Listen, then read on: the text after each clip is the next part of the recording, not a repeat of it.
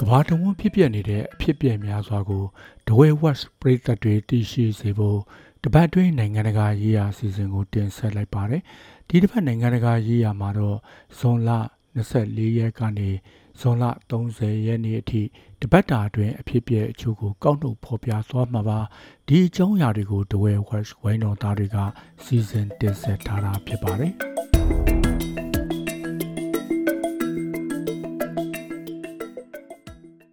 ရဲတပ်ဖွဲ့ကဆယ်ကျော်သက်လူငယ်တဦးကိုပြစ်တက်ခဲ့တဲ့ဖြစ်စဉ်နဲ့ပတ်သက်လို့ပြင်သစ်နိုင်ငံမှာအုံကြွဆန္ဒပြမှုတွေဖြစ်ပေါ်လာခဲ့ပါတယ်။ပါရီမြို့တော်နားမှာ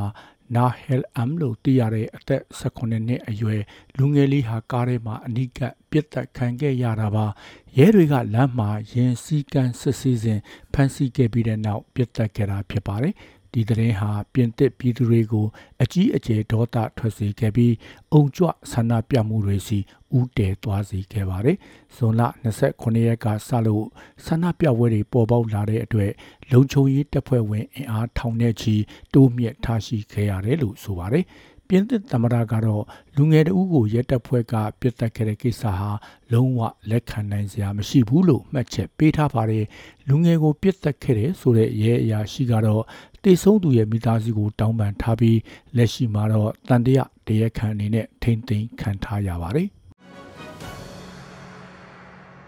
အမေရိကန်ပြည်ထောင်စုရဲ့သုံးပုံတပုံနီးပါးဟာလေထုအရေးသွေးညက်ဖြစ်တဲ့ဒဏ်ကိုခံနေကြရပါတယ်။အိန္ဒိချင်းကနေဒါနိုင်ငံမှာလောင်ကျွမ်းနေတဲ့တောမီတွေကြောင့် အမေရိကန်အနောက်အလယ်ပိုင်းနဲ့အရှေ့ဘက်ခြမ်းတစ်လျှောက်ကောင်းကင်ယံမှာမီးခိုးငွေတွေပြည့်နေတာပါ။မီးခိုးငွေတွေကြောင့်ကျန်းမာရေးနဲ့မညီညွတ်တဲ့လေထုအခြေအနေဖြစ်နေပြီးတချို့နေရာတွေမှာဆိုရင်အန်ဒရယ်ရှိတဲ့အထိအခြေအနေဖြစ်နေပါတယ်။လူပေါင်းသန်း120ကျော်ကိုလည်းအပြင်ထွက်တာတွေမလုပ်ဘူးနဲ့ကျန်းမာရေးနဲ့မညီညွတ်တဲ့လေထုညဉ့်ညမ်းမှုတွေကိုတတိထားဖို့တိုက်တွန်းထားပါတယ်။အိမ်ထဲနေရင်လေးသက်ဆက်ဖွေပေးဖို့နဲ့အပြင်ထွက်ရင်နှာခေါင်းစည်းတပ်ဖို့တတိပေးချက်ထုတ်ပြန်ထားပါတယ်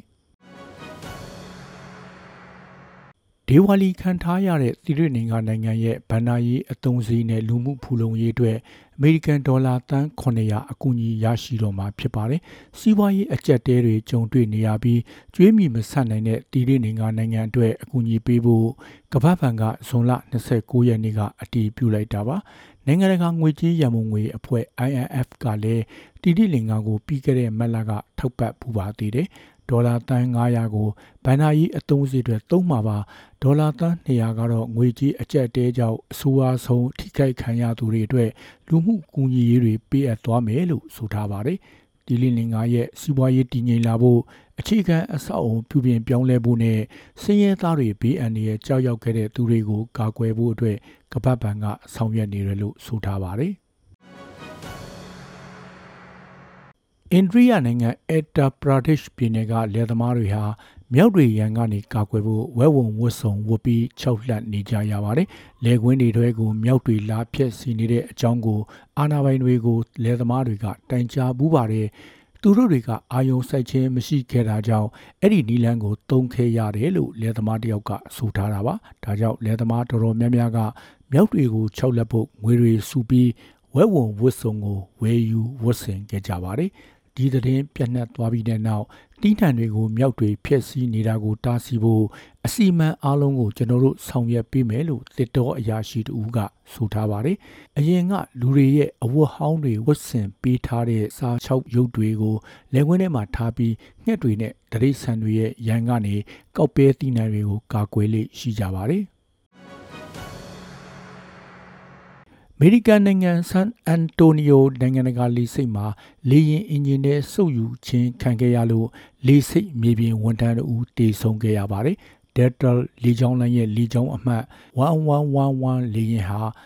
ဇွန်လ23ရက်မှာ Los Angeles မြို့ကနေပြန်တန်းလာခဲ့တာပါ။ San Antonio လေဆိပ်ကိုဆက်ရောက်ခဲ့ပြီးအင်ဂျင်တစ်လုံးမဲ့ဖွင့်ကာဂိတ်ထံသွားနေတော့လေဆိပ်မြေပြင်ဝန်ထမ်းကိုစုပ်ယူသွားခဲ့တာဖြစ်ပါတယ်။ ဒါဟာ6လတာအတွင်းလေရင်အင်ဂျင်စုပ်ယူခံရမှုကြောင့်ဒုတိယမြောက်လူသေဆုံးမှုဖြစ်ပါတယ်။ပြီးခဲ့တဲ့နှစ်ကုန်ပိုင်းကလည်းအလာဘားမားပြည်နယ်မောက်ကိုမာရီလေးစိတ်မှာလေရင်အင်ဂျင်စုပ်ယူခံရမှုကြောင့်အသက်34နှစ်အရွယ်ဝန်ထမ်းတဦးသေဆုံးခဲ့ပါသေးတယ်။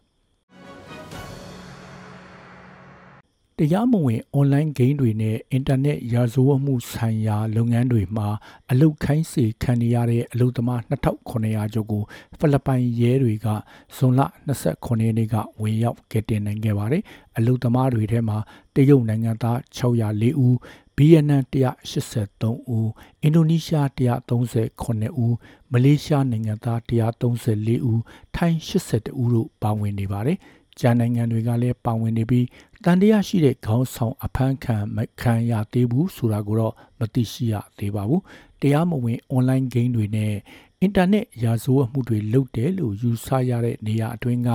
အဆောက်အအုံတွေကိုညတကောင်အချိန်ရဲတပ်ဖွဲ့ကစီးနင်းဝင်ရောက်ခဲ့တာပါဖမ်းဝရမ်းတွေကင်ဆောင်ပြီးရှာဖွေခဲ့တယ်လို့ဖိလစ်ပိုင်ရဲတပ်ဖွဲ့ကဆိုထားပါတယ် ယူကရိန်းနိုင်ငံကာရာဘော့စကီမြို့ကိုဇွန်လ29ရက်နေ့ညနေပိုင်းကရုရှားကဒုံးကျည်နဲ့တိုက်ခိုက်ခဲ့တဲ့အတွက်အနည်းဆုံးလူ12ဦးသေဆုံးပြီး60ကျော်ဒဏ်ရာရရှိခဲ့ပါတယ်။စားတောက်ဆိုင်တစ်ခုအပောင်ဝင်တိုက်ခိုက်ခံရတဲ့နေရာမှာရှိတဲ့အပြက်စီးတွေကိုရှာဖွေကယ်ဆယ်နေတဲ့ပုံတွေကိုလည်းထုတ်ဖော်ပြသခဲ့ပါတယ်။ကာရာဘော့စကီမြို့ဟာယူကရိန်းအရှေ့ပိုင်း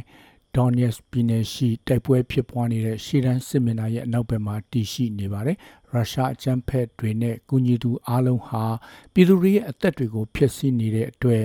အမြင့်ဆုံးပြစ်ဒဏ်တွေကြာသစ်တယ်လို့သမ္မတဇလန်စကီကဇွန်လ28ရက်နေ့မှာပြောကြားခဲ့ပါတယ်။ ပါကစ္စတန်နိုင်ငံလာဟိုးမြို့မှာဇွန်လ26ရက်နေ့က6နာရီစက်တိုက်မိုးသဲထန်စွာရွာသွန်းခဲ့လို့ရေကြီးရေရှမ်းဖြစ်ခဲ့ရပါတယ်။ရေကြီးမှုထဲမှာပြည်သူတွေဈေးသွားဈေးလာလှုပ်ရှားနေကြတာကိုတွေ့ရပါတယ်။ပါကစ္စတန်မှာမနှစ်တုန်းကဆယ်စုနှစ်တွေအတွင်းအဆိုးရွားဆုံးရေကြီးမှုနဲ့ကြုံခဲ့ရပါသေးတယ်။နိုင်ငံရဲ့သုံးပုံတပုံလူဦးပေါင်း33တန်းလောက်ဒုက္ခရောက်ခဲ့ကြရပါတယ်။ အဲ့ဒီရေကြီးမှုတွေလူပေါင်း1200ကျော်တေဆုံးခဲ့တယ်လို့ပါကစ္စတန်ရာသီဥတုပြောင်းလဲမှုဆိုင်ရာဝန်ကြီးဌာနကထုတ်ပြန်ကြေညာခဲ့ပါတယ်အမေရိကန်လေယာဉ်တင်သင်္ဘောဟာ BNN အလဲပိုင်းဒါနန်မြို့ကိုဇွန်လ25ရက်နေ့မှာဆိုက်ကပ်ခဲ့ပါတယ်။ BNN ရေပိုင်နဲ့မှာတရုတ်သင်္ဘောတွေဖျက်ဆီးမောင်းနှင်ခဲ့တဲ့အပေါ် BNN အစိုးရကကတ်ကွက်ရှုတ်ချခဲ့ပြီးတပတ်အကြာမှာဆိုက်ကပ်ခဲ့တာပါ။ အမေရိကန်နဲ့ BNN နှစ်နိုင်ငံဆက်ဆံရေးစနစ်ပြည့်မြောက်တဲ့နေ့အထိမ်းအမှတ်အနေနဲ့ USS Ronald Reagan လို့အမည်ပေးထားတဲ့လေယာဉ်တင်သင်္ဘောကဒါနန်စိတ်ကံကိုစိုက်ကပ်ခဲ့ပါတယ်အဲ့ဒီလေရင်တင်သင်္ဘောကြီးမှာအမေရိကန်ရေတပ်သား9000ကျော်လိုက်ပါလာခဲ့ပါတယ်။ BNN နဲ့အမေရိကန်နှစ်နိုင်ငံအနေနဲ့ပုံမူနီးကတ်တဲ့ကုန်သွယ်မှုကိုတိုးမြင့်လာသလိုဒေသတွင်းတရုတ်ရဲ့အင်အားကြီးထွားလာမှုအပေါ်မှာလည်းစိုးရိမ်နေကြပါတယ်။ အာဖရိကမြောက်ပိုင်းကနေအန်ဒီရဲ့ကြီးတဲ့မြေထဲပင်လယ်ကိုကျော်ဖြတ်ပြီးဥရောပကိုလူမှောင်ခိုသွင်းရမှာစီစဉ်သူတူဦးကိုဗြိတိန်ရဲတပ်ဖွဲ့ကဖမ်းဆီးခဲ့တယ်လို့ဇွန်လ24ရက်နေ့ကပြောကြားလိုက်ပါတယ်။အသက်40အရွယ်အီဂျစ်နိုင်ငံသားအာမက်ရိုမန်ဒန်မိုဟာမက်အက်ကိုနိုင်ငံတကာပါဝင်တဲ့စုံစမ်းစစ်ဆေးမှုအပြီးမှာဖမ်းဆီးလိုက်တာပါ မိုဟာမက်အစ်ကိုသူ့ရဲ့လန်ဒန်အနောက်ပိုင်းကနေအိမ်နီးမှာဖမ်းဆီးခဲ့တာဖြစ်ပါတယ်။သူ့ကိုလူကုန်ကူးမှုနဲ့တရားစွဲဆိုခဲ့ပြီးတဲ့နောက်လန်ဒန်အနောက်ပိုင်းတရားရုံးမှာရုံးထုတ်စစ်ဆေးခဲ့ပါတယ်။နောက်ယုံချင်းအနေနဲ့ဇူလိုင်လ24ရက်နေ့မှာလန်ဒန်တောင်ပိုင်း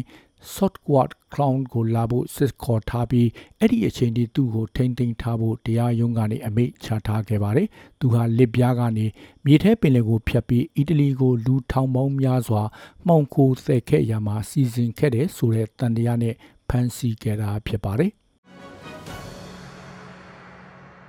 ပရိသတ်ပေါင်းတို့စိတ်ရောကိုယ်ပါချမ်းသာချမ်းသာကြပါစေကြောင်းနဲ့ကပ်ပြီးအမျိုးမျိုးကနေအမြန်ဆုံးလွတ်မြောက်ကြပါစေကြောင်းဒဝဲဝက်ဝိုင်းတော်သားတွေကစုမုံကောင်းတောင်းအပ်ပါတယ်။နောက်အပတ်မှာလည်းနိုင်ငံတကာရေးရအစီအစဉ်ကိုစောင့်မျှော်အားပေးကြပါအောင်ခင်ဗျာ။